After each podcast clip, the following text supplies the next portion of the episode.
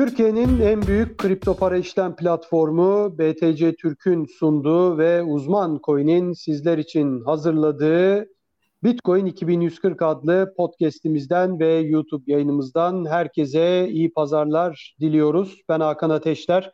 Arkadaşım Burak Köse ile birlikte yine yeni bir programla sizlerle birlikteyiz. Gerçekten yoğun günler yaşıyoruz. Fiyatlar çok ciddi şekilde oynak hale geldiğine, volatilite ciddi şekilde arttı ve bütün bunları konuşacağız. El Salvador'un gerçekten e, hamlesi artık ciddiye binmeye başladı diyebiliriz. Yani ilk başta hani bir tabir vardır ya gül, güldük eğlendik biraz iş ciddiye bindi diye artık El Salvador vatandaşlarına 30 dolarlık bitcoin dağıtma sözü verdi ve başkan da devlet başkanı Nayib Bukele de açıkçası bunu net şekilde yaptığı basın toplantısıyla insanlara gösterdi.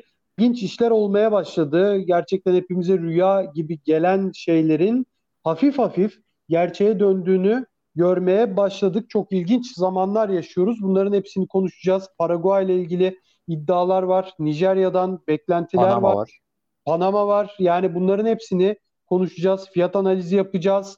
Tabii ki Çin'in madencilere karşı büyük baskısı, büyük operasyonları adeta bu ülkeden gidin sizi istemiyoruz baskısı var. Bunların hepsini konuşacağız. Fiyata etkilerini konuşacağız. Ee, iyi etkisi olacak diyenler de var. Amerika'ya için bunun bir fırsat olduğunu dile getirenler var. Çin'in madencileri göndermesini. Bunların hepsini konuşacağız diyelim ve Burak hoş geldin diyelim. Hoş bulduk Hakan. Sen de hoş geldin. Teşekkür ederiz. İstiyorsan hemen El Salvador'da başlayalım. Biraz önce bir arkadaşımla konuşuyordum. Diyordu ki El Salvador tabii herkesin beklentisi fiyat için soruyor bana El Salvador'dan kaç milyon kişi gelir, ne kadar bitcoin alır, klasik o tür yorumlar yapılıyor ama e, herkesin beklentisi büyük olmaya başladı. Yani burun kıvıran insanlar, El Salvador kim ki diyen insanlar artık şunu diyorlar ki hani kaç milyon kişi gelir sen ne düşünüyorsun? Adeta El Salvador kendi vatandaşına airdrop yapıyor. Evet. Ee, yani evet. çok ilginç bir durum. Ee, söylemesi belki komik geliyor ama öyle bir airdrop durumu söz konusu. Neler söylemek istersin bu konuyla ilgili? Yani aslında çok ciddi hazırlanmışlar. Ben bu kadar önemli ciddi bir hazırlık yapmış evet, olmalarını evet. beklemiyordum açıkçası. O açıdan şaşırttılar. Sadece beni değil bence birçok insanı bu anlamda şaşırttılar. Hem cüzdan olsun yeni bir cüzdan çıkarıyorlar kendi işte farklı evet. bir isimle. Onun dışında vatandaşları bu sisteme işte Bitcoin'e teşvik etmek için belki de 30 dolarlık bir airdrop planlıyorlar. Bunu kullan kullanıp işte bunun nasıl çalıştığını anlamalarını görmeleri için muhtemelen. Ki 30 dolar da gerçekten ciddi bir miktar şeyi düşündüğün evet, zaman. Evet. El Salvador'da asgari ücret şu anda 200 dolar, 300 dolar en fazlası. E, bunu göz önüne aldığın zaman 30 dolar önemli bir miktar. E, şimdi 7 Eylül'de bekleniyor. 7 Eylül'de tamamen e, Bitcoin'in ülkede yasal para olarak kabul görmesi ve kullanımda olması bekleniyor yasal olarak evet. 7 Eylül'den itibaren. E, bu konuda kararlılar. Daha önce tabii Dünya Bankası'nın kapısını çalmışlardı. Buradan işte bize yardımcı olun Bitcoin konusunda bunu nasıl sisteme entegre edebiliriz gibi bir evet. yardım talep ettiler. Oradan red aldılar. Onu, ondan sonra tabii baş IMF'den tepki aldılar. IMF'le görüşmeler sürüyor ama El Salvador'da net bir şekilde kararlı olarak duruyor bu konuda. Yani hiç geri adım atacakları gibi bir tablo yok ortada. Yani çok kısa sürede evet. de geldiler. Bu cüzdan işleri falan çok kısa sürede daha 9 Haziran'da kabul edildi bu yasa ve yani daha Haziran ayı bitmeden bir anda böyle bir airdrop, bir anda cüzdan, işte şunu yapmanız lazım, telefon numarası, kimlik numarası gibi bilgiler. Yani senin dediğin gibi aslında bu çok ciddi bir altyapı isteyen bir durum. Ee, evet. Yani 9 Eylül'e kadar tabii ki yapabilirsin ama başkanın daha ay bitmeden devlet başkanının çıkıp airdrop'tan bahsetmesi ilginç geldi bana yani çok ciddi hazırlanmışlar demek ki. Evet evet kesinlikle yani o açıklama yapılmadan önce sen 9 Haziran dedin o tarihten önce ciddi bir hazırlık olmuş. Bunların herhalde bu kadar kısa süre içinde bu kadar hazırlığı yapmış olmamalılar. Muhtemelen öncesi vardır bunun. E, zaten bu olay geçen seneye kadar uzanıyor. Orada El Salvador işte devlet başkanının kardeşi Jack Mulders'a şey yapıyor, e, DM atıyor Twitter'dan. Orada iletişime geçiyorlar. Yanılmıyorsam geçen yılla başlıyor ya da bu yılın başları da olabilir. Çok net hatırlamıyorum. O hikayeyi okudum ben. Yani bu da ilginç yani. Aslında burada şeydi hani bu direkt El Salvador Devlet Başkanı tarafından istenmiş bir şey. Onun tarafından talep edilmiş bir şey. Hani evet. belki bir şekilde Bitcoin topluluğunun önde gelenleri El Salvador'u böyle bir şey yapmaya ikna etmiş değiller aslında. Onlar kendileri ikna olmuşlar buna Tabii. ve buradan yardım istemişler diğer işte sektörün önemli isimlerinden bu konuda destek olmaları için. Şimdi evet 30 e, Aralık bir airdrop bekliyor El Salvador halkını. Orada tabii şey de ilginç. Devlet başkanının çıkıp cüzdan kullanımını anlatması orada işte böyle kullanacaksınız, şöyle yapılacak gibi slaytlar eşliğinde. Bu da iyi bir görüntü aslında yani şey Tabii ki tabii hiç beklenmedik şekilde iyi bir görüntü hatta. Evet evet bu ay e, o cüzdan Chivo adını vermişler galiba. Herhalde öyle okunuyor olması lazım. Evet muhtemelen. Evet evet e, bu ay Google Play ve App Store'da yer alacakmış bu uygulama. Şimdi şöyle itirazlar da geliyor. Şimdi 30 dolarlık airdrop yapılacak ama Bitcoin'de işlem ücreti ne kadar? 7 dolar, 8 dolar minimum işlem ücreti. E, o zaman ne olacak? 23 dolar mı verilecek bu halka gibi şeyler var ama aslında El Salvador burada daha çok e, Lightning Network'ü kullanmayı amaçlıyor. Zaten hatırlarsın sen de konferans sırasında o duyuru sırasında Lightning Network üzerinden bir şey yapılmıştı. Jack Mallers zaten kendisi tabii, tabii. Net, Network üzerinde çözümler üreten bir geliştirici. Bu, bu El Salvador'un bu açıklamasını işte böyle bir açıklama yapacağını sahnede duyuran isim. Ya, zaten Lightning Network neden geliştiriliyor? Neden bunun üzerine bu kadar e, bu tür işlemler çalışma için, yapılıyor? Tabii. tabii bu tür küçük işlemler için. Yani burada aslında 7 dolarlık, 8 dolarlık, 10 dolarlık işlem ücretleri söz konusu olmayacak sıfıra yakın işlem ücretleriyle yapılacak bu işlemler. O yüzden o tartışmalarda yersiz açıkçası. Ee, şimdi tabii şunu söyleyelim. Bunu seninle çok fazla konuştuk. Ee, konuklarımızla da podcastlerde çok konuştuk. Yani Bitcoin'in bir ana akım para olması için e, ciddi şekilde bir adaptasyon yani benimseme gerekiyor ve benimseme de nasıl olacak? Bir şeyleri alıp satabiliyorsan yani bir cüzdanından Bitcoin çıkarken diğerine Bitcoin giriyorsa açıkçası bu olacaktı. Yani bu, bunun içinde herhalde çok büyük bir adım değil mi? Tabii kesinlikle öyle bir, bir kere açısından. bir kere tabii tabii alışveriş olma açısından bir kere Bitcoin ağına şimdi yetişkinler 30 dolarlık airdrop yapılacak yetişkinlere bu sayede mesela bir anda 4,5 milyon kullanıcı katılmış olacak evet. Bitcoin ağına. Evet. Bu önemli mesela. Bu ciddi yani bir bunlar rakam. Şimdi şunu da yapabiliyorlar ya. El Salvador daha önceki başkan 9 e, Haziran'daki açıklamasında da şunu söylemişti ve Miami konferansındaki açıklamada da yani e, dolar da bizim paramız olmaya devam edecek. İnsanlar Bitcoin'den anında dolara dönebilecekler veya Tabii. tam tersi. Yani bunların hepsini yapabilecekler. Şimdi hani şu da çok söyleniyor. Alacak insanlar Bitcoin'leri hemen satacaklar, dolara çevrilecek. Yani e, benim bence çok da önemli değil bu. Yani Bitcoin'in bu şekilde kullanılabilecek olması çok daha önemli bir gelişme. Yani istiyorlarsa hepsi satsınlar yani 30 dolara anında e, dolara çevirsinler ve Bitcoin bu yüzden hani 1000-2000 dolar düşecekse de bence sorun değil. Çok önemli bir gelişme olduğunu düşünüyorum. Yani bir kitlenin Bitcoin'i satmasından 30 dolar da olsa e, satmasından daha da önemli bir gelişme. Yani böyle böyle başlar bu işler. Tabii tabii. Yani zaten bence Bitcoin'de şu an işlem hacimlerinin de öyle bir satışı karşılayabilecek şeyi var yani potansiyeli var aslında. Ee, bugün tabii. çok ciddi işlem hacimlerinde işlemleri Zaten sürekli 30-40 dolarlık satılıyordur, alınıyordur herhalde Bitcoin'de değil mi? Evet evet tabii kesinlikle o şekilde. Yani şimdi hani geçen podcastlerde, geçen yayınlarımızda hep diyorduk işte buradan iyi bir hikaye çıkması lazım. Bitcoin'in iyiliği için iyi bir hikaye evet. çıkmalı. Yani eğer çıkmazsa bu açıdan riskli bu iş demiştik. Yani şu anki görünen tablo herhalde burada ciddi bir çalışma var ve iyi bir hikaye çıkacağı benziyor. Ki diğer ülkelerde e, El Salvador'un takip etmeye başlıyorlar. Muhtemelen hazırlıklar yapıyorlar onlar da. Onlara da geleceğiz zaten ilerleyen dakikalarda.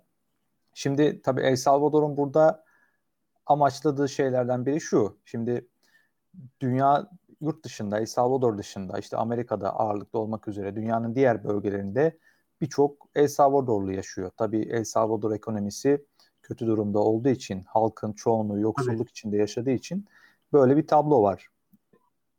Bu yurt dışında çalışanlar, işte Amerika'da veya işte Kanada'da diğer bölgelerde çalışanlar El Salvador'a buradan yıllık 6 milyar dolar gibi bir para para gönderiyorlar yaklaşık olarak. Böyle bir havale hacmi var El Salvador'da. Yani insanlar yurt dışında çalışanlar evet. ailesine para gönderiyorlar ihtiyaç sahiplerine ya da tabii, yakın. Tabii tabii. Ee, şimdi burada da şöyle bir şey var. Bu 6 milyar dolar belki çok ciddi bir rakam şu açıdan. El Salvador'un kendi zaten gayri safi yurt içi hasılası 27 milyar dolar. Yani nereden baksan yüzde 20'si gibi bir Tabii. bölümünü oluşturuyor bu 6 milyar dolarlık rakam. Burada amaç en büyük amaçlardan biri de zaten bunu Bitcoin üzerinden yapıp hem burada ödenen o işte masrafları işte birçok e, Amerika'dan El Salvador'a para gönderirken araya bir sürü aracı kurumlar giriyor. Bunlara Tabii. bir sürü işlem ücretleri ödeniyor.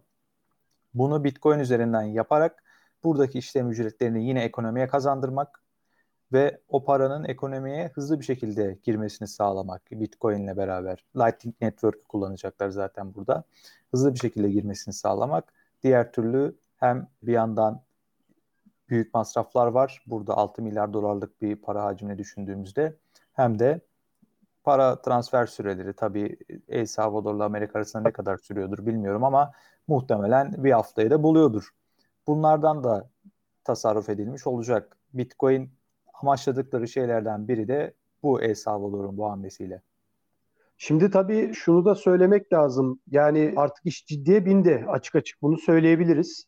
Ee, ve Amerika'da zaten çok ciddi bir birazdan madencilik konusuna da geleceğiz işin ama El Salvador orada da yani işte volkanik madencilik falan dediler. Hani tamam güldük yani güldük derken küçümseme anlamında değil hani güzel geliyordu o tür konuşmalar.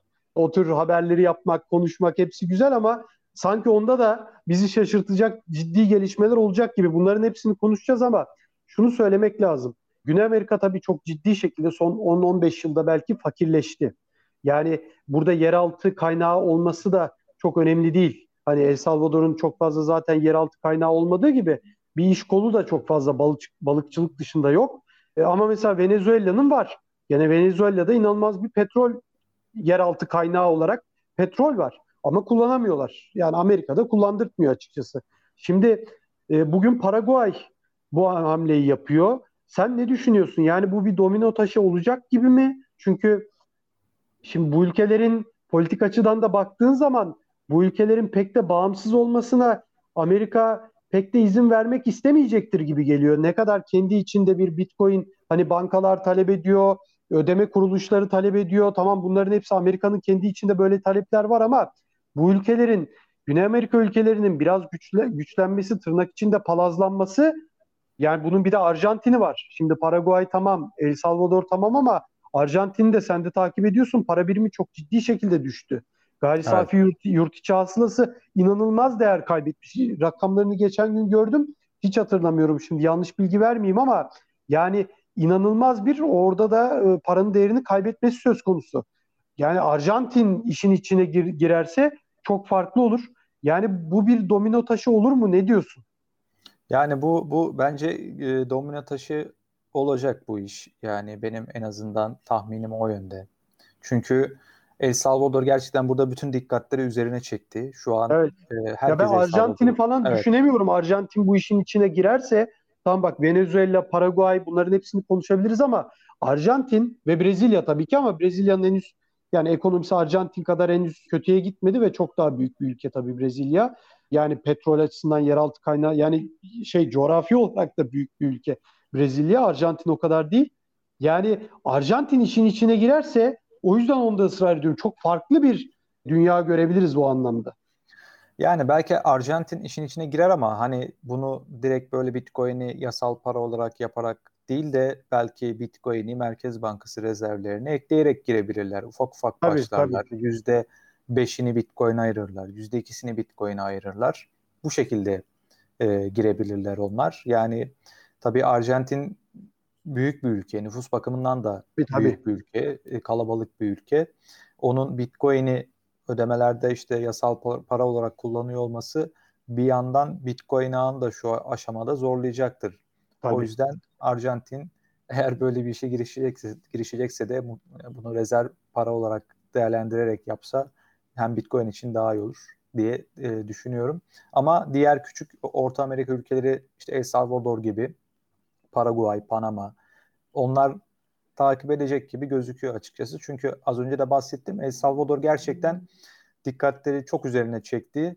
Zaten şundan da görüyoruz bunu mesela en temelde mesela El Salvador Devlet Başkanı Nayib Bukele po- çok popüler bir fig- figür olmuş durumda artık. Tabii, yani şu an tabii. şu an Panama başkanı kimdir bilmiyoruz. Paraguay başkanı kimdir bilmiyoruz ama El Salvador başkanı çok iyi tanıyoruz ve kendisinin en ufak açıklamaları Twitter'da binlerce RT alıyor şu şu durumda. Yani El Salvador'a az önce volkanik enerji üzerinden Bitcoin madenciliğinden bahsettin. Orada da gerçekten bir çalışma var, ciddi bir çalışma var gibi görünüyor. Hatta ondan fotoğraflar falan da paylaştılar. İşte tasarlamışlar mı şeyi, tesisi falan. Şimdi tabii yani, o da tek, teknik bir durum olduğu için o da Evet, hani, evet, evet. E, gerçi cüzdan işi de teknik bir olay ama herhalde volkanik madenciliğe göre biraz daha kolaydır bilmeden konuşuyorum tabii. tamamen. Yani şimdi onda da bir beklentimiz yok. Yani cüzdanda da beklentimiz yoktu. De, Bu sabah görünce evet. şaşırdık.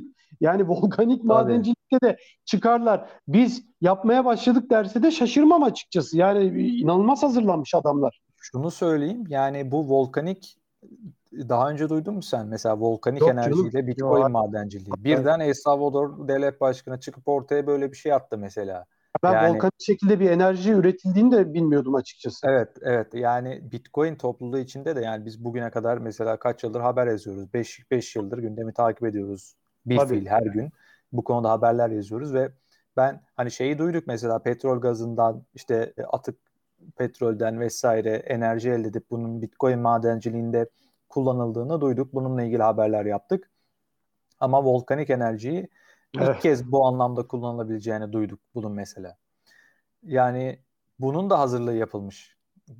Görünen o ki yani. Bu bu açıklama evet. mesela hemen şeyin ardından geldi ben yanlış hatırlamıyorsam. Ertesi gün veya birkaç gün sonra tabii, geldi tabii, hemen tabii, volkanik tabii. enerjiyle Bitcoin madenciliği konusu.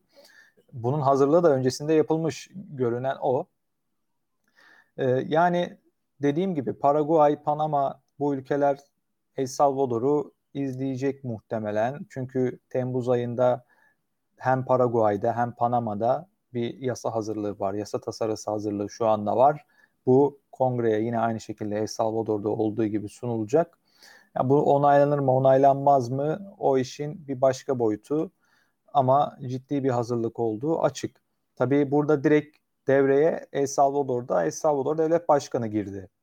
Ama diğer ülkelerde Paraguay Devlet Başkanı'nın veya Panama Devlet Başkanı'nın Bitcoin ile ilgili bir açıklamasına, Bitcoin ile ilgili bir hamlesini henüz rastlamadık. Bunlar e, sadece işte oradaki bir tane, iki tane, üç tane belki milletvekilinin de zorladığı şeyler de olabilir. Yani bir sonuç da çıkmayabilir açıkçası evet. ama El Salvador'a benzeyen ülkeler olduğu için buralardan da şey, şeyi de düşündüğümüzde yani bunu şuna benzetmek lazım. Şimdi nasıl ki MicroStrategy Bitcoin alımına başladı geçen yıl.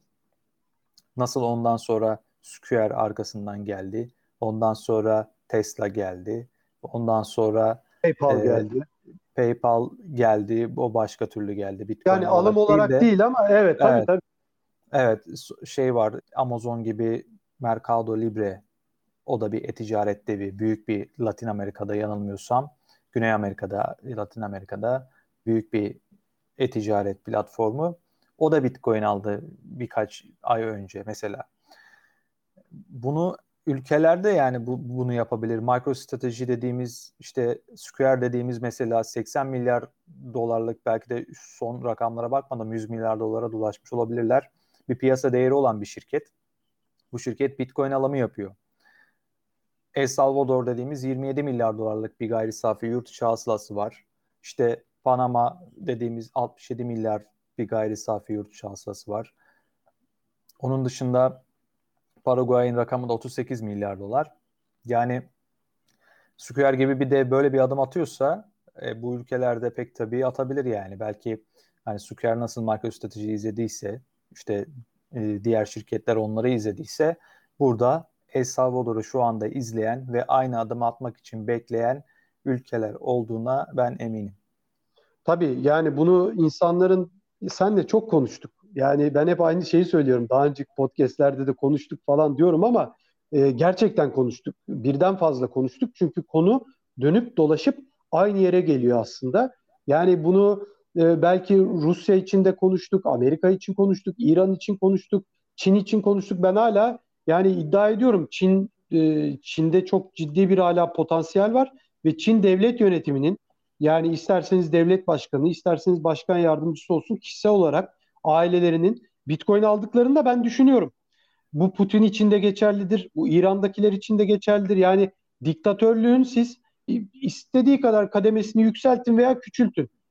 Aileleri oluşturanlar sonuçta birer insan ve evet.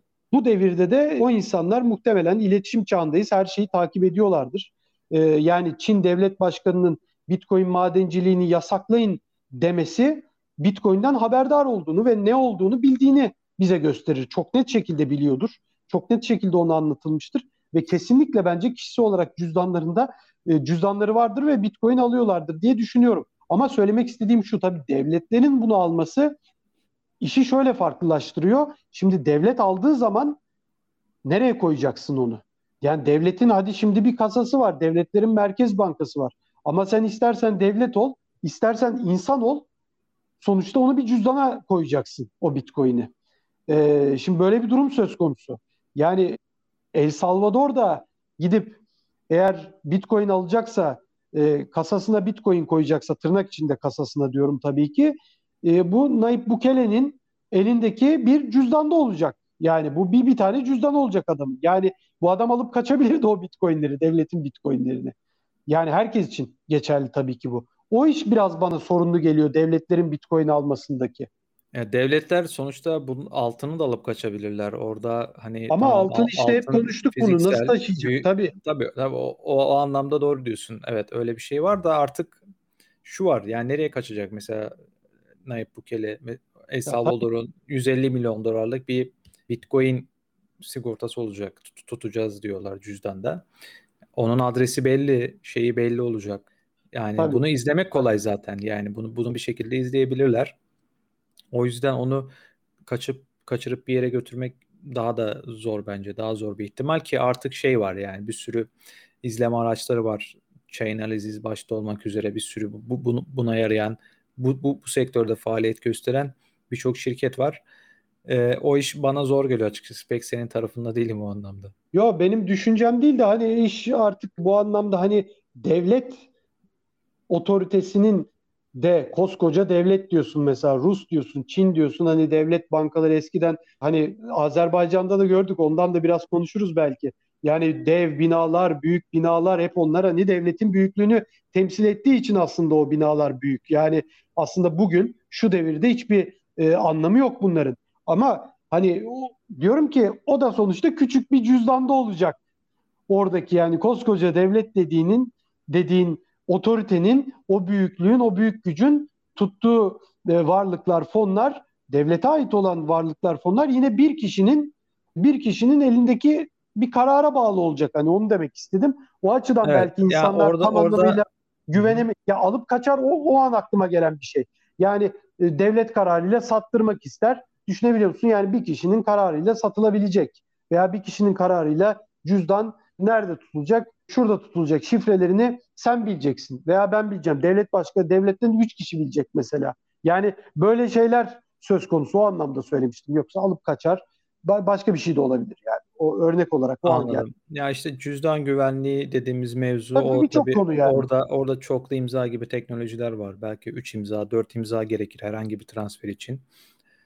O yüzden onlar da bence çok bir endişe kaynağı değil. Ee, evet. Orada şey de var. Mesela bunu bir yasa e, tabii bunun bir yasası olacak, bir düzenlemesi olacak. Kesin, kesin olması. Orada mesela bu Bitcoin'lerin saklanacağı cüzdan şöyle şöyle şöyle teknolojileri kullanacak. Bunlara sahip olmalı ve burada tek yetki sahibi Bukele değil. Onun yanında işte atıyorum Merkez Bankası Başkanı veya işte veya herhangi bir başka kurumun Genel Kurmay Başkanı hepsini askerlerden.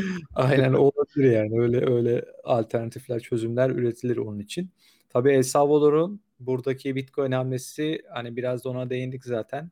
Tepki de çekti.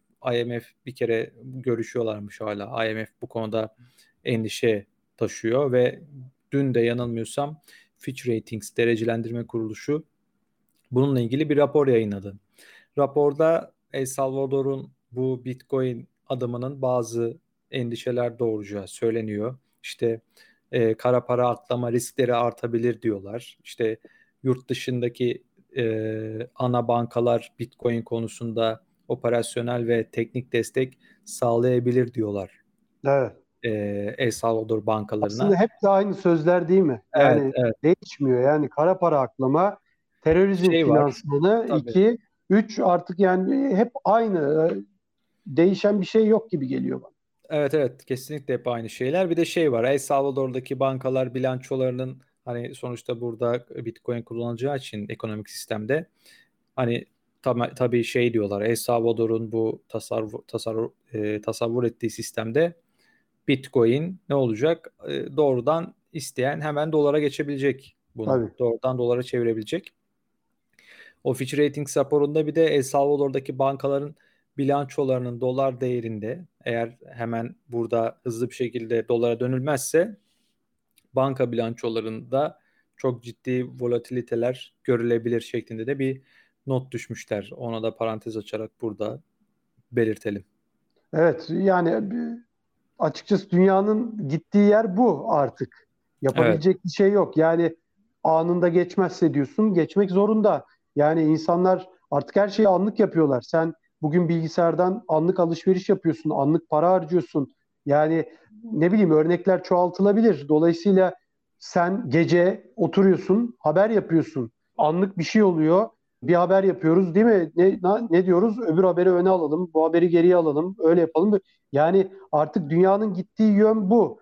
Ayrı büyük getiriyor mu? Tabii ki getiriyor. Yani ama bu geleneksel sisteminde açıkçası buna yavaş yavaş uymaktan başka çaresi de kalmayacak gibi geliyor bana diyelim ve o geleneksel sisteme ya, eğer sözün yoksa başka madencilik konusuna geçelim istiyorsan yavaş yavaş. Ee, ona geçmeden evet. son son birkaç şeyden bahsedeyim. Tabii. Bu Par Paraguay konusunda mesela. Arjantin dedin sen az önce. 2019 yılında Paraguay ile Arjantin Bitcoin'i ihracatta kullanıyorlar. Bu pek satır arasında kalan bir haber oldu mesela o dönem. Evet. İlginç yani aslında Paraguay bugün Bitcoin'i yasal para yapmak için bir yasa tasarısı hazırlığında oluyorken 2019'da Paraguay ve Arjantin ihracatta ilk defa Bitcoin'i kullanıyorlar. Bitcoin'le yapıyorlar ödemeleri. Tabii o Bitcoin sonradan hızlı bir şekilde Arjantin pesosuna çevriliyor. O işin başka bir boyutu. Geçtiğimiz günlerde Paraguay'da bir büyük bir üniversite 17 bin 18 bin öğrencisi var. Biz Bitcoin'i, Ethereum'u işte diğer bir kripto para daha vardı galiba ödemelerde kabul etmeye başlayacağız. Yanılmıyorsam Ağustos ayı itibariyle olması lazım. Paraguay'da bir başka önemli gelişme de buydu. Bir de şu var Paraguay'da ilginç olan Paraguay tüm elektriğini %100 yenilenebilir enerjiden sağlıyor. Ve İlginç, bunun bilmiyordum bunu. Evet, bunun %90'ını da ihraç ediyorlarmış. Ciddi bir elektrik üretimi var yani. Bu Bitcoin madenciliği içinde Paraguay bu anlamda belki elverişli bir ülke olabilir Tabii. ilerleyen dönemlerde. Tabii evet. yani söylesen. E, ben söylemeyeceğim daha fazla bir şey. Sen devam et. Tamam. Tamam. Yani aslında bu anlamda biraz önce de söyledik işte geleneksel taraftan artık biraz modern tarafa geçmek gerekiyor gibi oluyor. Şimdi sen söyleyince şöyle bir anda hani bir ampul yandı kafamda. Mesela sen dedin ya Paraguay'da bir üniversite bu paraları işte e, çalışacağını, yasal konuma getirilmek için bir çalışma yürüteceğini belirtti.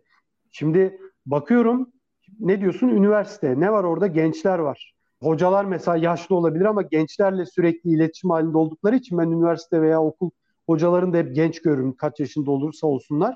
E, gençler burada devreye giriyor. Dünyadaki o biraz önce konuştuğumuz ve şimdi konuşacağımız aslında gelenekselin moderne dönüşünü gençler sağlayacak. E bakıyorum El Salvador başkanına genç bir adam. Yani e, gücü ne kadardır bilmiyorum. İyi bir gücü var belli ki çünkü işte onlarda da süper çoğunluk denen bir sistem varmış. Geçtiğimiz günlerde haberini de yaptık zaten o Peter McCormack'in podcast'inde e, söylediklerini haber yaptık uzman coin'de de. Mesela ne diyor adam? Biz diyor normalde e, 83 oyun zannedersem 52'sini almaları yetiyormuş süper çoğunluk için. Bunlar 63'ünü almışlar. Yani gerekli zaten çok fazla olarak görülen bir e, oy sisteminin de daha fazlasını almışlar. Yani adam belli ki güçlü ülkesinde ama genç bir adam. E bakıyorsun Jack Mallers genç bir adam. Yani gitmiş onunla iletişime geçmiş. Oradan Bitcoin madenciliğini öğrenmiş. Bitcoin yasal para yapmak için bir çalışma. Hep gençlerden görüyorsunuz bunu. Genç olmayanlar tam tersi işte FED başkanı. Değil mi? Ee, bunu küçümsemek için söylemiyorum ama yine geçen podcast'te konuştuk. Yani koskoca ekonomist kaç yaşına gelmiş diyor ki yani gidecek İranlılar, Ruslar El Salvador'da bankamatiğe bankamatikten Bitcoin değiştirecekler, dolar alacaklar. El Salvador'daki doları bitirecekler ve El Salvador'u çökertecekler gibi bir deli saçması. Yani artık bak şimdi şöyle söyleyeyim yani bu adam senden benden yaşça çok daha büyük e, ekonomi tarihini sana bana 15 kere anlatacak adam ve böyle bir şey söylüyor ve biz ekonomi bilgimiz bu adama göre çok daha az olmasına rağmen bu adama deli saçması diyebiliyoruz. Yani dünyanın şu anda geldiği hal bu. Yani aslında bizim bunu diyemememiz lazım. Yani bizim bu, bu ekonomist adamı unuttum adını da çok ünlü bir ekonomist. Steve, Hatta, Steve Hanke miydi? Olabilir. Olabilir. Çok haber yapıyoruz. O kadar çok isim geçiyor ki bazen unutuyorum. Ya ismi doğru olsa soyadı yanlış olabilir. Ee, şimdi de bakmayayım yani bilgisayardan zaman harcamayalım ona ama yani e, bizim bunu diyemememiz lazım aslında böyle bir adama. Bu kadar üniversitelerde, devlet dairelerinde hayatı geçmiş bir adama sen deli saçması diyorsun mesela şu anda. Dolayısıyla bunu diyemememiz lazım ama maalesef öyle. Yani durum buna gelmiş durumda şu anda. O yüzden çok dünyanın ciddi şekilde değiştiğini söyleyebiliriz. Hani bazen biz konuştuk ya e, mesela annem babam bazen anne anneler biraz daha modern olabiliyorlar ama babalar biraz daha eski kafalı olabiliyorlar. Yani babam diyor ki nasıl olmaz diyor merkezi yönetim. Bitcoin'i anlatırken diyor ki mesela olur mu ya yedirmezler diyor. Merkezi yönetim yoksa kime güveneceğiz diyor. İşte ters taraftan bir güven olduğunu aslında anlatamıyorsun. Bu normal. Bunu anlatamaman normal ama bir ekonomistin gelip Ruslar, İranlılar El Salvador'da bankamatikten dolar çekecekler demesi gerçekten deli saçması. Bu gerçekten deli saçması. evet. e, çünkü yani yani Rus, İranlı El Salvador'a gidecek de oradan çekecek falan. Çünkü hala Acaba El Salvador'a kaç, kaç tane İranlı ziyaret ediyor yılda? Ona da bakmak lazım. Ya tabii tabii canım zaten öyle bin tane yoldan zaten dolar olmuş artık bütün dünyada her taraftan dolar fışkırıyor. E sen diyorsun ki işte çünkü hala doları bir muhtemelen değerli bir para olarak yani dünyanın en değerli parası diye hala onu değerli görebiliyor. Yani kopuk yani dünyadaki gelişmelerden muhtemelen kopuk diye düşünüyorum. İşin madencilik kısmına ve Çin tarafına geçelim istiyorsan yavaş yavaş. Şimdi Çin tarafında da biraz önce söylediğim gibi bu ülkeleri Rusya'yı, Çin'i, Türkiye'yi, Amerika'yı istediğin kadar söyle. İstersen El Salvador'da. Bu ülkeleri yöneten insanların Bitcoin'den haberdar olmamalarının bence ihtimali yok. Kesinlikle e, bu ülkeleri yöneten insanların kendileri, aileleri, etrafındaki insanlar Bitcoin alıyorlar diye düşünüyorum ben. Bunu düşünmek için de yani çok da akıllı olmana, yani çok bu işleri biliyor olmana, bir ekonomist olmana da gerek yok diye düşünüyorum. E, ama Çin bence buna rağmen hala e, şu Bitcoin olayını çözdü de pek sanki halka yansımasını istemiyor gibi geliyor. Çünkü bu devirde hala madenciliği kapayalım, şunu yapalım, bunu yapalım. İşte e, kömür deniyordu, enerji tasarrufu deniyordu, çevre deniyordu. E ne oldu şimdi Sichuan bölgesi var. O bölgede de tamamen yani belki yüzde doksan hidroelektrikle yapılıyordu bu madencilik. E ne oldu onu da kapadılar şimdi. Tamamen yok etmeye çalışıyorlar. Bu da sanki e, işte düzeni değiştirmeyelim, namımız yürüsün. Biz işte Çin yuanıyla bu işi CBDC ile işte e, Merkez Bankası dijital parasıyla biz bu işi devam ettirelim. Düzenimiz devam etsin gibi geliyor bana. Yani yoksa Bitcoin'in ne zararı olacak Çin'e? Sadece insanların belki bireysel düzenine zararı olur. O yüzden izin vermiyormuş gibi geliyor bana. Doğru diyorsun. Şimdi zaten Çin'de dijital para çalışmaları çok ciddi bir noktaya geldi. Artık evet. gerçekten 2020'nin başlarında 2021'in başlarından beri ciddi bir şekilde gerçek hayatta test ediyorlar. Onlar da birçok eyalette airdrop yaptılar, e, insanlara dağıttılar. İnsanlar bunu test etti. Videolar gördük zaten. E, muhtemelen yavaş yavaş artık bu yıl sonuna doğru veya işte önümüzdeki yıldan itibaren gerçekten bunu kullanmaya geçecekler. Şimdi bu Bitcoin madenciliğinin yasaklanması, onun dışında bankalara uyarı hatırlatması yapılarak Tabii. kripto para işlemlerini engelleyin demeleri tamamen bu yaklaşan dijital para kullanımına zemin hazırlamak gibi bir şey. Bunu böyle görebiliriz. Tabii madencilik hani sen de dedin zaten hidroelektrikle yapılan madencilik tesisleri bile kapatıldı ülkede. Ama bunu olumlu görmek lazım. Hep şöyle denirdi bugüne kadar işte Çin Bitcoin'in %60'ını 70'ini kontrol ediyor denirdi. Yanlış bir şekilde tabii yani madenciliğini yapıyor olması kontrol ediyor olması anlamına kesinlikle gelmiyordu. Ama evet. böyle bir ön yargı vardı Bitcoin için. Bitcoin'e karşı argümanlardan biri işte otoriter bir rejimin, kapalı bir rejimin Bitcoin'in %60'ını 70'ini kontrol ediyor argümanıydı. Bu birincisiydi. Şimdi bu tarihe karışıyor. Gerçekten orada bütün madencilik tesisleri patır patır kapatılıyor. Zaten bunun hash rate'de bir yansımasını görüyoruz. En son %90'a kadar 90 eksi hash'e kadar bir gerileme oldu. Ki geçen yıl, geçen ay Mayıs ayında Mayıs ayı ortalarındaydı yanılmıyorsam Bitcoin hash rate'i 180 exahash'ti. 90 exahash'e kadar düştü. %50'lik bir düşüş. Evet. Bu madenciliğin artık biraz Çin'in elinden çıkıyor olduğunu gösteriyor zaten. Şimdi Burada... madencilik Çin'in elindeyken tırnak içinde kötüydü. E şimdi Çin evet. madencileri kapatıyor. Yine kötü.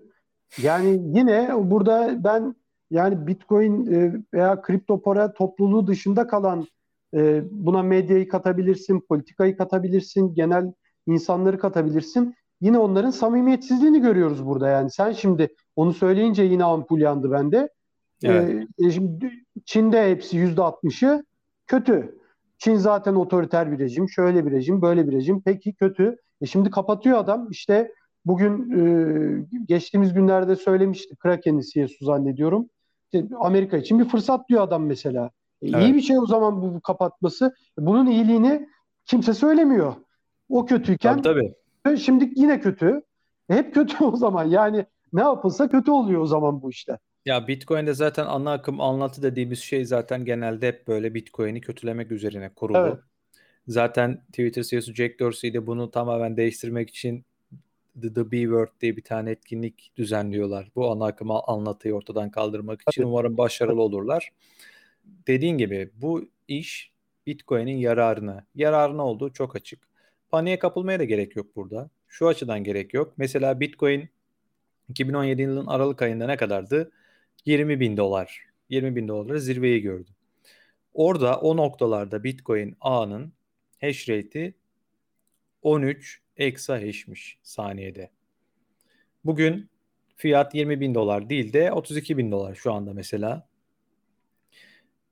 Bitcoin ağının şey hash rate ne kadar? 100 şu an yaklaşık olarak 100 exahash. Yani baktığımız zaman 8 katı. O dönemin 8 katı. Yani Bitcoin ağının güvenliği anlamında da burada bir endişe kaynağı yok bence. Kazakistan'a burada ciddi girişler var Çin'den. Çin'den göçen madenciler Kazakistan'a yatırım yapıyorlar. Kazakistan'a te- şeylerin ekipmanlarını taşıyorlar. Onun dışında Texas, ABD'de Texas gerçekten madencileri teşvik etmek için her şeyi yapıyorlar. Tex- Texas'ta zaten bir madencilik faaliyeti vardı önemli de bir madencilik faaliyeti vardı.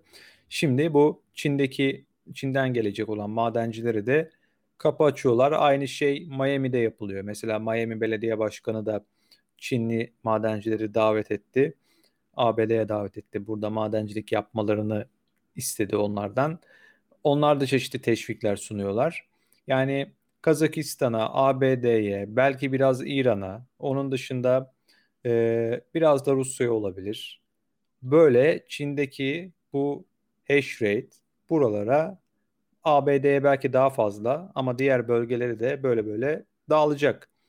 Bu Bitcoin madenciliğinin artık eskisine göre daha merkeziyetsiz bir şekilde devam etmesini sağlayacak. Artık Bitcoin'in %60'ını 70'ini kontrol ediyor diyenler olmayacak. Şimdi bu bir. Bitcoin'e buradan saldırıyorlardı. Bu ortadan kalkıyor olacak. İki, diğer yandan Bitcoin çevreyi kirletiyor. Bitcoin işte inanılmaz bir şekilde enerji tüketiyor. Bir de böyle argümanlar var. Bitcoin işte fosil yakıt kullanılıyor Bitcoin madenciliğinde. E bu da maliyetleri düşürmek için yenilenebilir enerjinin artan kullanımıyla beraber önümüzdeki dönemde Bitcoin için tarihe karışacak olan argümanlardan bir diğeri. O yüzden tüm bu son gelişmeleri, Çin'deki gelişmeleri de bence olumlu görmek lazım. Tabii. Olaya bu açıdan bakmak lazım diye Zaten düşünüyorum. Zaten çok basit değil mi? Yani bu çok basit bir konu ve bunu çok fazla ya hele hadi madencilik konusu biraz daha teknik. insanlar anlamayabilir. Ona işte sen şimdi çok basit şekilde anlattın. Bunlar çok önemli de şu çevre konusu yani gerçekten büyük numara olduğu ortada. Numara bu ya, yalan yani çok bu, bu bir sebep göstermek için ortaya atılmış bir yalan diye düşünüyorum. Çünkü yani öyle bir anlatıldı ki işte kömürler yanıyor sanki böyle dev dev dumanlar gökyüzüne çıkıyor böyle ozon tabakası delinecek yani her şey çok kötü hemen Bitcoin'i bizim yasaklamamız ve yok etmemiz lazım gibi anlatıyorlar. Ee, yani dünyada gerçekten şu anda ülkesi olmayan genel, küresel yani ülkesi adeta dünya olan bir paradan bahsediyoruz. Ve evet. milyonlarca insan bunu kullanıyor. Bir ülke bunu yasal para yapmış ve yasal para yapmaya devam edecek başka ülkelerin de geleceğini bu yıl olmasa da mutlaka önümüzdeki vadede düşünüyoruz, görüyoruz. Yani böyle bir ortamda milyonlarca kullanıcısı olan bir ve dünya ekosistemine de katkı verecek e, bir paradan bahsediyoruz. Yani para düşünebiliyor musun? Yani zaten insanoğlunun tek derdi binlerce yıldır para. Yani böyle evet. bir şeyde bir para çıkmış bütün dünya bunu aynı anda kullanabiliyor ve yani bu tabii ki bir enerji tüketecek. Bir şey tüketmesi lazım bunun. Yani havadan yağmur gibi ya yağmur da öyle zaten de hani şimdi aklıma gelmedi bir şey. Yani bunun bir şey tüketmesi ve bir bu iyiliğin bir karşılığının bir şekilde ödenmesi gerekiyor. Bu işte enerji harcayarak oluyor. Bu enerjiyi karşılayarak para olarak işte madenciler ne yapıyorlar? Para kazanıyorlar, bitcoin kazanıyorlar ama karşılığında da elektrik faturası ödüyor atıyorum. Bir karşılığını veriyor bunun. Bir emek var, bir çalışma var, bir şeyler var bunun karşılığında. Yani böyle bir şey için kömür yakılacaksa ya ben sana şöyle söyleyeyim. Benim fikrim şu. Yenilenebilir enerji diye bir şey olmasın. Böyle bir şey yok diyelim. Güneş enerjisi kullanılamıyor işte hidroelektrik santrali ve enerjisi diye bir şey yok diyelim. Yani dünyada bir şey de kullanacaksan, kömürü yakacaksan doğalgaz da yok, hiçbir şey yok diyelim. Petrol de yok. Ya petrol zaten kömürden geliyor artık abartırken bile yanlış örnek verdim. Yani kömür yakman gerekiyorsa Bitcoin için yakarsın bu kömürü. Başka ne için yakabilirsin? Yani böyle dünyaya katkı verecek bir varlık, bir para varken daha ne için yakabilirsin? Eğer hava pislenecekse, doğa çevre daha kirli hale gelecekse Bitcoin de bunu yaparsın. Ya başka evet, hiçbir şey evet. şey yapmazsın gibi geliyor bana. Bilmiyorum yani ve Bitcoin'de zaten öyle müthiş bir çevre kirliliği de yok diye düşünüyorum. Bilmiyorum ya yani bir de bu tercihtir ayrıca. Adam madenci istediğini yakar. Sana ne yani bir sürü al işte bugün Marmara Denizi'nde müsilaj var. Yani o bütün dünyanın bunu tartışması gerekiyor aslında şu anda. Mesela önemli bir konu bence. Yani koskoca deniz ölü durumda şu anda. E yani bunu konuşmuyorsun veya dünyadaki diğer işte Greenpeace'in o pet şişelerini görüyoruz değil mi? Kuzey evet. Kutbu falan başka denizlerde. Bunu kimse konuşmuyor. Elon Musk konuşmuyor. İşte Anonymous'un açıklamaları vardı. Sen Afrika'da çocuk çalıştırıyorsun diyor. Hiç çocuk çalıştırdığını görmüyoruz yani mesela. E onu da göstersin. Elon Musk onu da eleştirsin. Ya bütün bunlar varken Bitcoin'in çevre kirletiyor, çevre işte zarar veriyor denmesi inanılmaz. Yani kutup ayları falan artık insanlarla dost olacak şeyde. Kuzey kutbunda. Yani artık çünkü insanlar artık yemek bulamıyor kutup ayları. incecik olmuşlar. Artık beyaz postlarının renkleri değişmiş. İnsanlar onlara şey veriyorlar, yem veriyorlar, balık veriyorlar. Adam artık kutup ayısı ona alışmış. Aslında biliyorsun hayvanlara vermemen lazım. Çünkü o o zaman hayvan insanı kötü bir varlık olarak görmüyor ve bir insan gördüğü zaman hemen yanına geliyor. Çünkü ona yemek vermiş. Sonra ne oluyor? Avcı onu avlıyor. İşte onun soyu böyle böyle yok oluyor falan filan. Yani bunlar konuşulması gerekirken sen hiçbir insan öldürmeyen, hiçbir hayvan öldürmeyen, denizleri pisletmeyen, hiçbir şey yapmayan Bitcoin'in çevreyi kirlettiğinden bahsediyorsun. Ya bu aslında skandal ve büyük bir yalan. Yani dünyada o kadar çok savaşlar, silah satımları, ne bileyim çocuk savaşçılar Afrika'da, Orta Doğu'yu görüyoruz. Yani berbat bir hal almış dünyada. Senin bulabildiğin dünyanın belki şu anda en büyük katkı veren olayı Bitcoin. Böyle bir durum ve sen geliyorsun diyorsun ki çevreyi kirletiyor Bitcoin. Yani bu, bu, bu çok büyük bir yalan olmaktan başka bir şey değil. Yani dediğim gibi hidroelektrik falan olmasın, güneş olmasın, hiçbir şey olmasın. Yine ben Bitcoin'in çevreyi kirletiyorsa kirletsin kardeşim buyurun kirletsin. Yani adam belki savaşı önleyecek Bitcoin. Belki çocuk işte çalıştığı işçileri önleyecek. Bir El Salvador gibi bunlar El Salvador gibi o ülkeler bu arada çok fakir ülkeler. Yani evet. Paraguaylar falan filan bunları konuşuyoruz ama yani, şaka gibi geliyor insanlara. Çok fakir ülkeler bunlar. El Salvador'da %70'in banka hesabı yok ülkede. Tabii. Herhangi bir finansal erişimi yok. %70 yani ülkenin Tabii. %70'i. Bitcoin burada bu insanların finansal finans dünyasına finansala katılımlarını sağlayacak. Mesela finansal katılımlarını artıracak. Ee, böyle bir yarar sağlayacak bu insanlara. Sen diyorsun ki bu yani e, çevreyi kirletiyor diyorsun. Yani ben sana burada anlattık işte kutup aylarından çıktık şeydeki Nijerya'daki iç savaşa geleceğiz. Yani artık bütün bunlar varken Elon Musk gibi bir adamın çıkıp affedersin ama aptal numarası yapıp seni beni de izleyen insanları da aptal yerine koyup hem kendini hem bizi koyuyor çünkü. Bunlardan bahsetmesi yani yalan olabilir. Başka bir şey olamaz diye düşünüyorum. Dolayısıyla burada hem bu var hem bir de Bitcoin topluluğu yani madencileri bir de üstüne tam tersi benim söylediklerimi söylemiyorlar. Tam tersi bir de yenilenebilir enerjiye geçiyorlar. Yani bütün bunlara da geçiyorlar aynı zamanda. Tabii ki daha da ucuz yenilenebilir enerji onu da söylemek lazım. Fiyat olarak da tabii madencilerin kar edebileceği çok daha ucuz enerjiler bunlar. Bunun yanında bir de buna geçiyorlar. E herhalde bir 3-5 yıl içinde Bitcoin'ciler, madenciler, e, alan satan artık kullanan kim varsa bir, bir hiç laf edecek bir sebep bırakmayacak gibi geliyor kendine. Yani bu çünkü artık son radde gördüğün gibi çevrenin kirletilmesi. E artık o da kalmayınca yenilenebilir enerjiye geçtiğin zaman o da kalmayınca bu sefer ne denecek bilmiyorum Bitcoin'e. Yani Bitcoin'e tabii merkeziyetsiz bir yapı olduğu için Bitcoin arkasında ne devlet var, ne bir kuruluş Tabii. var, ne bir kişi var. İşte hani mesela dolara sallarsın veya herhangi bir başka bir şey sallarsın ama arkasında ABD'yi bulursun bir şekilde. Ee, ama Bitcoin'de öyle bir şey yok. İsteyen sallayabiliyor o yüzden. O nedenle e, Bitcoin'e bu şekilde e, herhangi bir şekilde Bitcoin'i kötülemek isteyenler bugünden sonra da hani bir şekilde bu bahsettiğimiz argümanlar tarihe karışsa da başka bir şey bulur herhalde diyorsun. başka bir şeyler bulurlar muhtemelen yani. Ya yok zaten doğru söylüyorsun bulur. Niye bulur?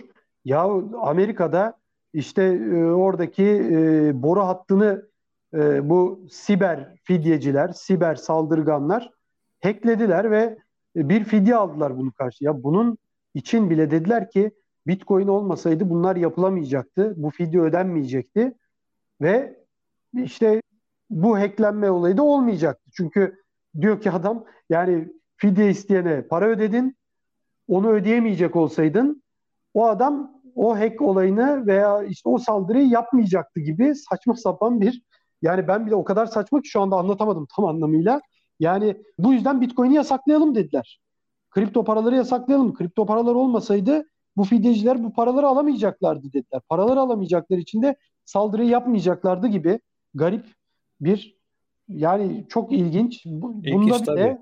bunda bile gidip kripto paraları sorumlu tuttular ve Yasaklayalım kripto paraları o zaman. Yasaklarsak ya söyleyecek, hiç kimse söyleyecek, bize söyleyecek çok şey var da değmez aslında. Mesela buna diyeceksin değmez, ki tabii, tabii, tabii. o zaman e, silah kaçakçılığını önlemek için bunu ne yapıyorlar? Dolarla yapıyorlar. O zaman doları yasaklayalım mı diyelim yani bunun için. Ya da uyuşturucu e, trafiğini önlemek için dolara yasaklayalım. İnsanlar dolar üzerinden alıp satıyorlar bunu diyelim yani.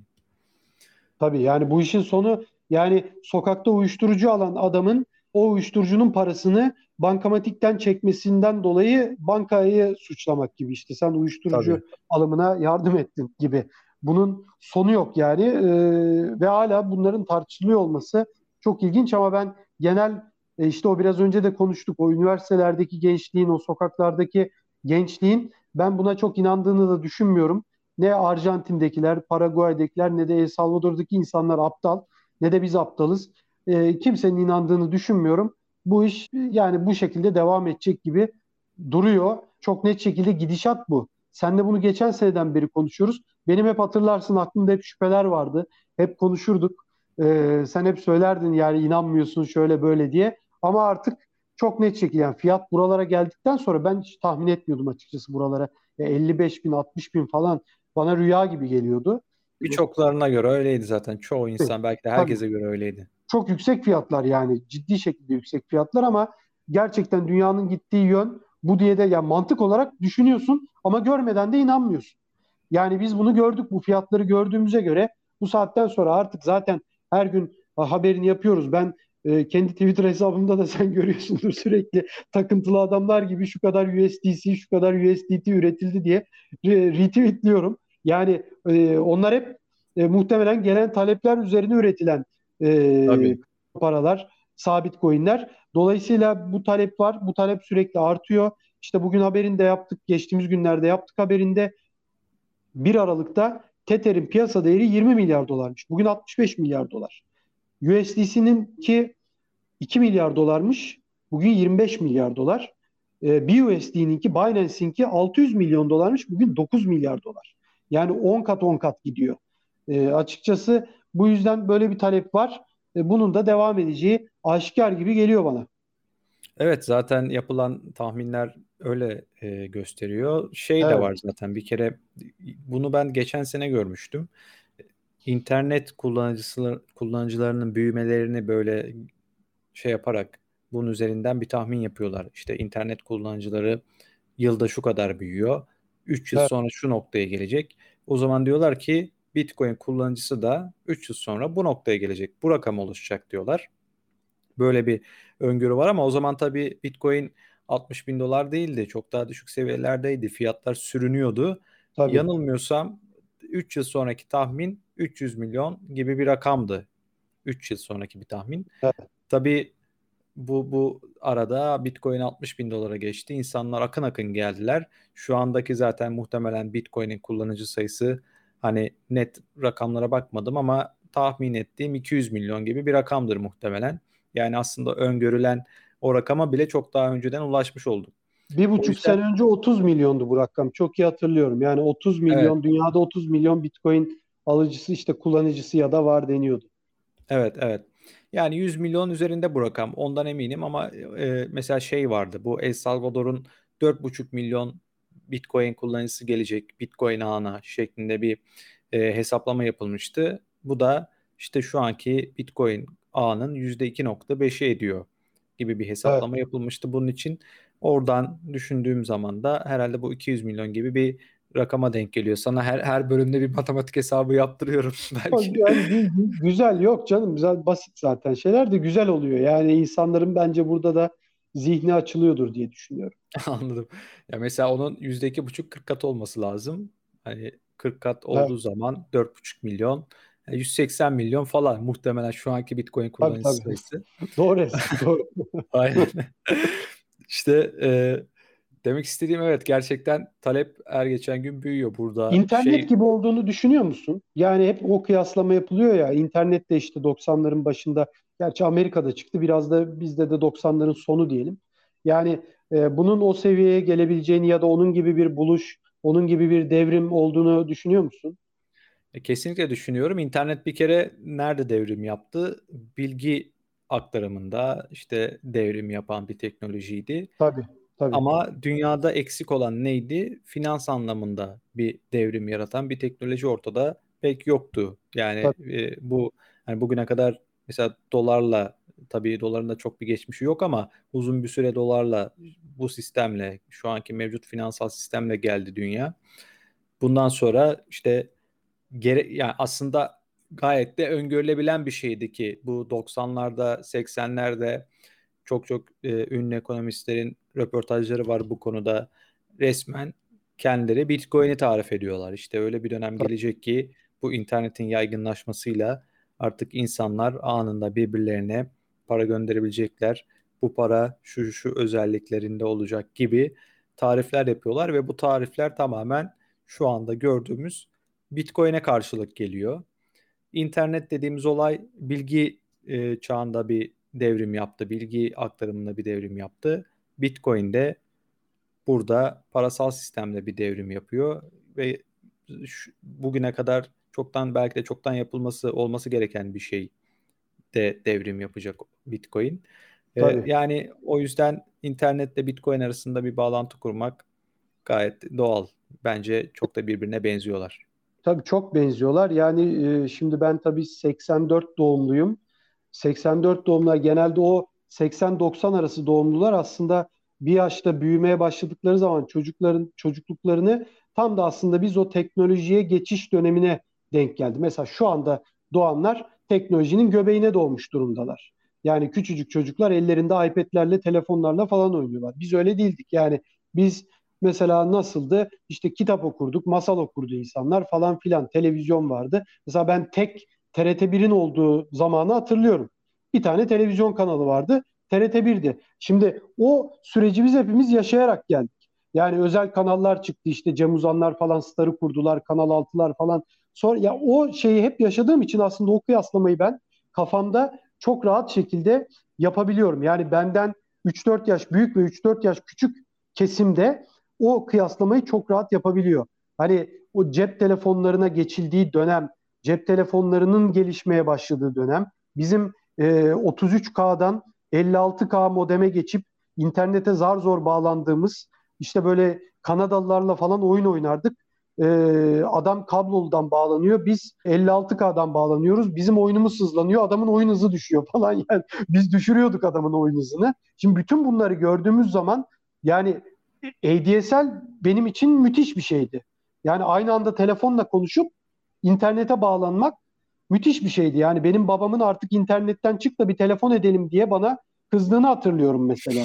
Veya çok bağlanıyorsun internete dediğimi hatırlıyorum. Okuldaki hocalarımın bazen seni de ICQ'da gördük yani ona göre çok giriyorsun ders çalışmıyorsun dediğini hatırlıyorum. Şimdi buralardan nerelere geldik? Geçtiğimiz günlerde ben bir haber gördüm. Zannediyorum Amazon'la ilgiliydi. Amazon de internetten kitap satışını yapacağı zaman insanlar o zaman tepki göstermişler. Sen kitap satacaksın internetten. Bunun için bilgisayar açılacak ve bilgisayar bir enerji tüketecek. Bilgisayar sen kitap satacaksın diye enerji tüketecek diye. Enerji o zaman konusu da orada da var. Evet, çevre kirlenecek demişler. Senden kitap alacak diye insanlar dünyada kaç milyon bilgisayarın çalışacağını düşünebiliyor musun? Şimdi o dönemki kafayla bir baktığın zaman gerçekten yani bu kadar koca koca kasalar değil mi çalışıyor ve e, milyonlarca kasa bilgisayar kasası çalışıyor ve e, baktığında insanlar oyun oynuyor işte internete giriyor internete girmese de bir türlü bilgisayarlar çalışıyor. E, bu da bir enerji tüketimi ve çevreye zarar. Ama bugün bakıyorsun her şey internette. O zaman tepki göstermişler Amazon'a. Senden kitaba git, gidin internetten kitap almayın, kitap evlerinden kitap alın demiş insanlar mesela. Yani bugün neredeyiz? O gün bugün kitap kalmadı. Herkes işte sesli kitaplar falan var. Değil mi? Nereden yani, nereye Hakan? Tabii tabii nereden nereye? E şimdi bütün bunları gördüğün zaman biraz uzun konuştum ama yani bütün bunları gördüğün zaman, bütün bu gelişimleri gördüğün zaman e, yani cep telefonu mesela e, cep telefonu olan arkadaşlarımız vardı. Zengin diye bakardık. Yani babası cep telefonu çünkü cep telefonu çok pahalı bir şeydi. E şimdi herkes de cep telefonu var. E, işte diyorum ya annelerimiz babalarımız internete çok uzaklardı. Onlar cep telefonuna zor alışmışlardı. Bugün hepsinde cep telefonu var. Hepsi Insta, Instagram'dan çıkmıyor annelerimiz babalarımız. Yani bizden yaşça çok daha büyük olan insanlar. Yaşlılar falan banka hesaplarına giriyorlar, para gönderiyorlar. Bunu yapmaları imkansız olarak görülüyordu. Dolayısıyla evet. bundan 10 sene sonra yani bizi falan geçtim ama bundan 10 sene sonra insanlar, dedeler, torunlarına belki bayram açlığı olarak Bitcoin gönderecekler. Çok daha kolay gelecek. Yani ben bunu belki de kağıt para kalmayacak. El öpme kalmayacak bilmiyorum artık ama yani bu iş hani şaşıran insanlar var. Yok canım olmaz o kadar diyen insanlar var diye bugün 80'lerden 90'lardan 2000'lerden bir örnek vermek istedim. Yani bizim için bir Kanadalıyla aynı yerde oyun oynamak bile müthiş bir şeydi. Müthişti yani Kanadalıyla oyun oynuyorsun böyle yan yana bilgisayarda oturup hani 70'lerde televizyona bakan ahali gibi biz de bilgisayara bakıyorduk. Şimdi biz bununla oyun mu oynuyoruz? O da Kanada'da. Karşımızda mı yani bu diye düşünüyorduk. Yani bu gerçekten çok önemli bir şey. Bunlar olduktan sonra bunlar çok büyük işler. Bence Bitcoin'den evet. daha da büyük olabilir. Yani bunlar olduktan sonra e, ya benim gözümde Bitcoin'den daha büyük. Şimdi hepimiz alıştığımız için bana çok büyük gelmeyebiliyor bazen ama o zamanki halimizle çok büyük geliyor. Dolayısıyla dediğin gibi her şey olabilir. Her şey olacağı için de ben Bitcoin'in daha da hani bugün desen ki sen bana Bitcoin dünya parası olacak olur derim. Yani çok rahat olur derim. Hiçbir şekilde itiraz etmem. Bugünlere geldikten sonra her yere gider diye düşünüyorum. Çünkü gördük bunu ben çocukluğumdan itibaren yaşayarak gördüm. Onun için çok da gerçekçi geliyor açıkçası. Onu da belirteyim. Evet. Uzun Tabii, anlattım galiba. Evet, evet Sen yok, direkt, gayet, evet dedim mi bitirdim. E, yok. Gayet açıklayıcı oldu ve gayet de iyi anlattın. Sürükleyici bir şekilde dinledim seni yani evet, gerçekten. Ki o an o, o döneme böyle gayet tanık olmuş biri olarak ki ben o dönemleri bilmiyorum mesela ICQ kullanmadım veya işte evet. dönem benim mesela ilk modemim şeydi direkt ADSL'di yanılmıyorsam. Aslında ben biraz geç katıldım şeye internete. Evet, evet. için söyledim yani yaşım evet. onun için söyledim. Yani o devirde yaşayan yani 80-90 arası belki 90'ların biraz başı ama zannetmiyorum o dönemi yaşayanlar yaşayarak gördük. Yani o cep telefonunu yılan oynuyorduk ya cep telefonunda yılan oynuyorduk. Oradan bir anda Kanadalıyla şeye geçtik. Yani savaş oyunu oynamaya falan yarış oynamaya Need for Speed oynamaya falan geçtik biz internet üzerinden falan filan yani çok da yani, uzattık. Tabii tüm bunlar dünyadaki bu şeyi gösteriyor açıkçası. Değişimin ne kadar hızlı olduğunu evet. gösteriyor. Yani şimdi geriye dönüp baktığımızda gerçekten o dönemler şu anda bize belki uzak geliyor ama aslında çok yakın. Baktığımızda kaç sene öncesi Tabii. senin bahsettiğin mesela. Tabii, yani bundan... 2000'lerin başıydı ben o evet. savaş oynadığımda yani. Evet. Ve yine ADSL'den bağ şey pardon dial-up'tan bağlanıyorduk. Ya telefon evet. yine meşgul oluyordu bağlanırken. Evet evet. O yüzden e, mesela şu anda fiyatlar çok böyle dalgalanıyor, düşüyor. Bitcoin'den bahsediyorum. Bugün işte 65 bin dolardan geldiği nokta şu anda 32 bin dolar seviyeleri. Ama tüm bu dalgalanmaya rağmen Bitcoin kullanıcı sayısı büyümeye devam ediyor şu anda. Hem E, bizim okur sayımız artıyor, hem takip sayılarımız artıyor. Piyasaya hala giren insanlar var. E, buradaki büyüme sürüyor. Fiyat ne olursa olsun. Tabii fiyat yükseldiği zaman daha hızlı bir şekilde devam ediyor. Ama bu seviyeleri, bu fiyat seviyelerini fırsat olarak görüp de giren, piyasaya giren insanlar da var. O yüzden buradan işte hani 300 milyon kullanıcılı bir projeksiyon yapıldığından bahsetmiştim 3 sene sonrası için. Geçen sene gördüğüm şeyden bahsetmiştim az önce. Ve biz bunun 200'üne ulaştık şu anda. Evet. O yüzden Bitcoin fiyatı birçoklarının ve belki bizim de öngördüğümüz gibi 2021'in bu yılın sonlarını önceki zirve seviyelerinin ötesinde kapattığı durumda buradaki kullanıcı tabanı yine katlanarak büyümeye devam edecek. Birçok insan hani geçmişte yine örnekler verdik burada Bitcoin'e saadet zinciri dediler. İşte Bitcoin'e dolandırıcılık dediler. Nasıl ki bu insanların artık böyle şeyler çok duymuyorsak ve hiç duymuyorsak aslında şu anda kalkıp biri dese diğerleri ona Saadet gülecekken. Saadet zinciri örneği yok oldu artık. Evet yok oldu. İşte dolandırıcılık da yok oluyor, yok oluyor. Birkaç tane cılız ses duysak da bu konuda o da yok oluyor. O yüzden internet teknolojisinin zaten o az önce bahsettiğim buradaki büyümeyle beraber yani Bitcoin'in Neden yoluna 2017'de şöyle bir dönem olmuştu. Olsun. Bitcoin fiyatı Aynı 20 bin dolar seviyesine giderken yine böyle çok düşüşler oldu. %50'lik düş, %40'lık düşüşler oldu. Evet. %40'tan fazla birkaç kere düş, düştü Bitcoin fiyatı. Altcoin'ler mesela bugün Bitcoin'deki düşüşten dolayı altcoin'ler %80, %85 bazıları %90 düşüş yaşadılar bu son günlerde. Ama 2017'de altcoin'ler daha hiç patlamadan yine böyle düşüşler oldu.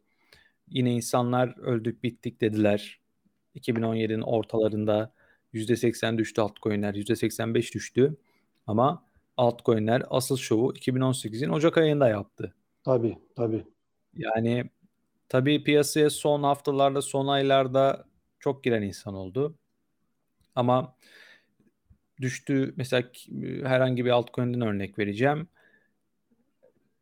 Şey noktası, top noktası 20 dolar ama düştüğü nokta şu anda 12 dolar seviyelerinde işlem görüyor mesela ama bu altcoin geçen sene 1 dolardı. Şu anda %80 düşmüş hali 10 dolar 12 dolar seviyelerinde.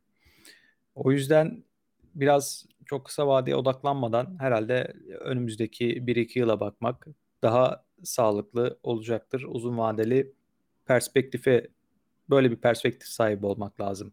Bu piyasada gerçekten para kazanabiliyor olmak için ve mümkün olduğu kadar kısa vadeli alım satımlardan uzak durup kaldıraçtan uzak durup uzun vadeli yatırıma odaklanmak yani bu piyasada kazanmanın anahtarı aslında bu. Çok da bir şey değil yani. Çok da bir maharet değil bunu yapmak. Bunu yapmak için gereken şey acil ihtiyacın olan parayla bu işe girmemek ve bu işe gireceğin para da senin kaybettiğinde hayatında çok bir şeyin değişmeyeceği bir miktar olacak. Bunları yaptıktan sonra bu piyasada para kazanmak zor değil.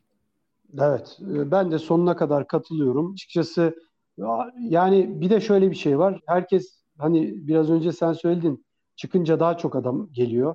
Hani artınca nasıl gitti 65 bine dedik böyle gitti. Ama düşünce de bu sefer herkes satıyor. Sonra çıkınca da diyorlar ki e, ah be keşke satmasaydık o fırsatı değerlendiremedik. E buyurun işte şimdi senin dediğin gibi nerelerden birçok altcoin'e de örnek verebiliriz. Yani Ethereum'undan tut değil mi? 4400'dü bir ara. 4800 evet. müydü hatta. Yani ciddi bir fiyata çıktı. Bugün 2000 doların altına düştü.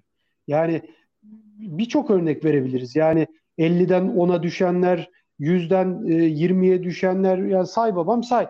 İstediğini işte insanlar o zaman fırsat buyurun alın şimdi. Ama bir, bu parayı da hem uzun vadeli düşünmek hem de en azından kısa kısa almak lazım değil mi? Yani bir yerde e, kademe kademe almak lazım. Az az almak lazım. E, en azından eğer çok fiyata dikkat edeceksiniz öyle almak lazım ama bir seferde de alıyorsanız uzun vade bekleyince hep kazandırdı. 10 senedir değil mi? Hep kazandırdı yani. Altcoin'lerde öyle. E, tabii çok başka o şeylerden bahsetmiyoruz. Yok olanlardan bahsetmiyoruz tabii. Birçok böyle isimsiz yok olan proje de oldu. O yüzden hani altcoin'lerde bellidir hangi altcoin'lere eğer güvenilir tabii, bir yatırım tabii. istiyorsanız hangilerine yatırım yapılacağı bellidir zaten. O da ilk elliğin içindedir genelde. Tabii. O yüzden e, Bitcoin'ten konuşalım. Tabii tabii. Tabii yani o tabii altcoin'ler çok daha fazla yüksek karlar kısa vadede de verebildiği için burada da çok ciddi bir yatırım e, kar potansiyeli var. yüksek evet. Tabii tabii kar potansiyeli yüksek ki muhtemelen e, eğer e, dediğimiz seviyeleri de Bitcoin çıkarsa altcoin'lerde de çok ciddi ralliler devam edecektir. O yüzden ben hala bir yatırım fırsatı olduğunu en azından düşünüyorum sene sonuna kadar. iyi projelere yatırım yaparsanız sene sonuna kadar bizim dediğimiz senaryo gerçekleşmese bile muhtemelen uzun vadede yine para kazanıyorsunuz. Bunu da belirtmek lazım. İyi projeler, altı dolu projeler. Yani bizim programlarımızı, bizim haber sitemizi, başka arkadaşlarımızın çok güzel YouTube kanalları var, çok güzel siteler var. Twitter'da çok güzel yabancı da hesaplar var. Bunları da takip ettiğiniz takdirde zaten o projelerin hep aynı isimler dönüyor dolaşıyor.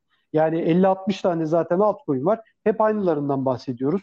Yorumlayanlar hep aynılarını yorumluyorlar. İşte Bitcoin ve Ethereum bunların başlarında. Dolayısıyla burada da gidilecek aslında senin söylediğin şey çok basit. Çok kolay değil mi? Yani senin söylediğin yol çok kolay zaten. Uzun vade bekleyeceksin ve e, aslında bizi de takip ediyorsan diğer arkadaşları da takip ettiği zaman hep aynı isimler, aynı altcoin'ler tartışılıyor. Aynı Bitcoin konuları konuşuluyor. Dolayısıyla burada bilgi edinmemek de aslında araştırma yaptığın zaman çok zor. Onu da belirtelim. Bilgi edinmemek. Onu da söyleyelim. Benim sözlerim bu kadar. Evet, e, benim de aslında çok ekleyeceğim bir şey yok. Zaten evet. bayağı süreyi açtık herhalde. Evet, o yine yüzden... açtık. Yani yarım evet, saat evet. yapalım desek de iki katına Konuşuruz çıkıyoruz. İki saatte konuşuruz yani. Tabii, tabii, tabii söyle. Çok teşekkür ediyoruz. Ağzına ben sağlık. Ben teşekkür ederim Hakan. Senin de ağzına sağlık. Evet. Azerbaycan'ı konuşacağız dedik konuşamadık. O da artık bir sonraki haftaya kalsın. bir sonraki podcast'te onu da belirtelim. Evet Türkiye'nin ilk dünyanın dördüncü kripto para işlem platformu BTC Türk'ün sunduğu ve Uzman Coin'in sizler için hazırladığı Bitcoin 2140 adlı podcast'imizin bu pazarda sonuna geldik. Gelecek hafta tekrardan görüşmek dileğiyle herkese iyi haftalar diliyoruz. Hoşçakalın.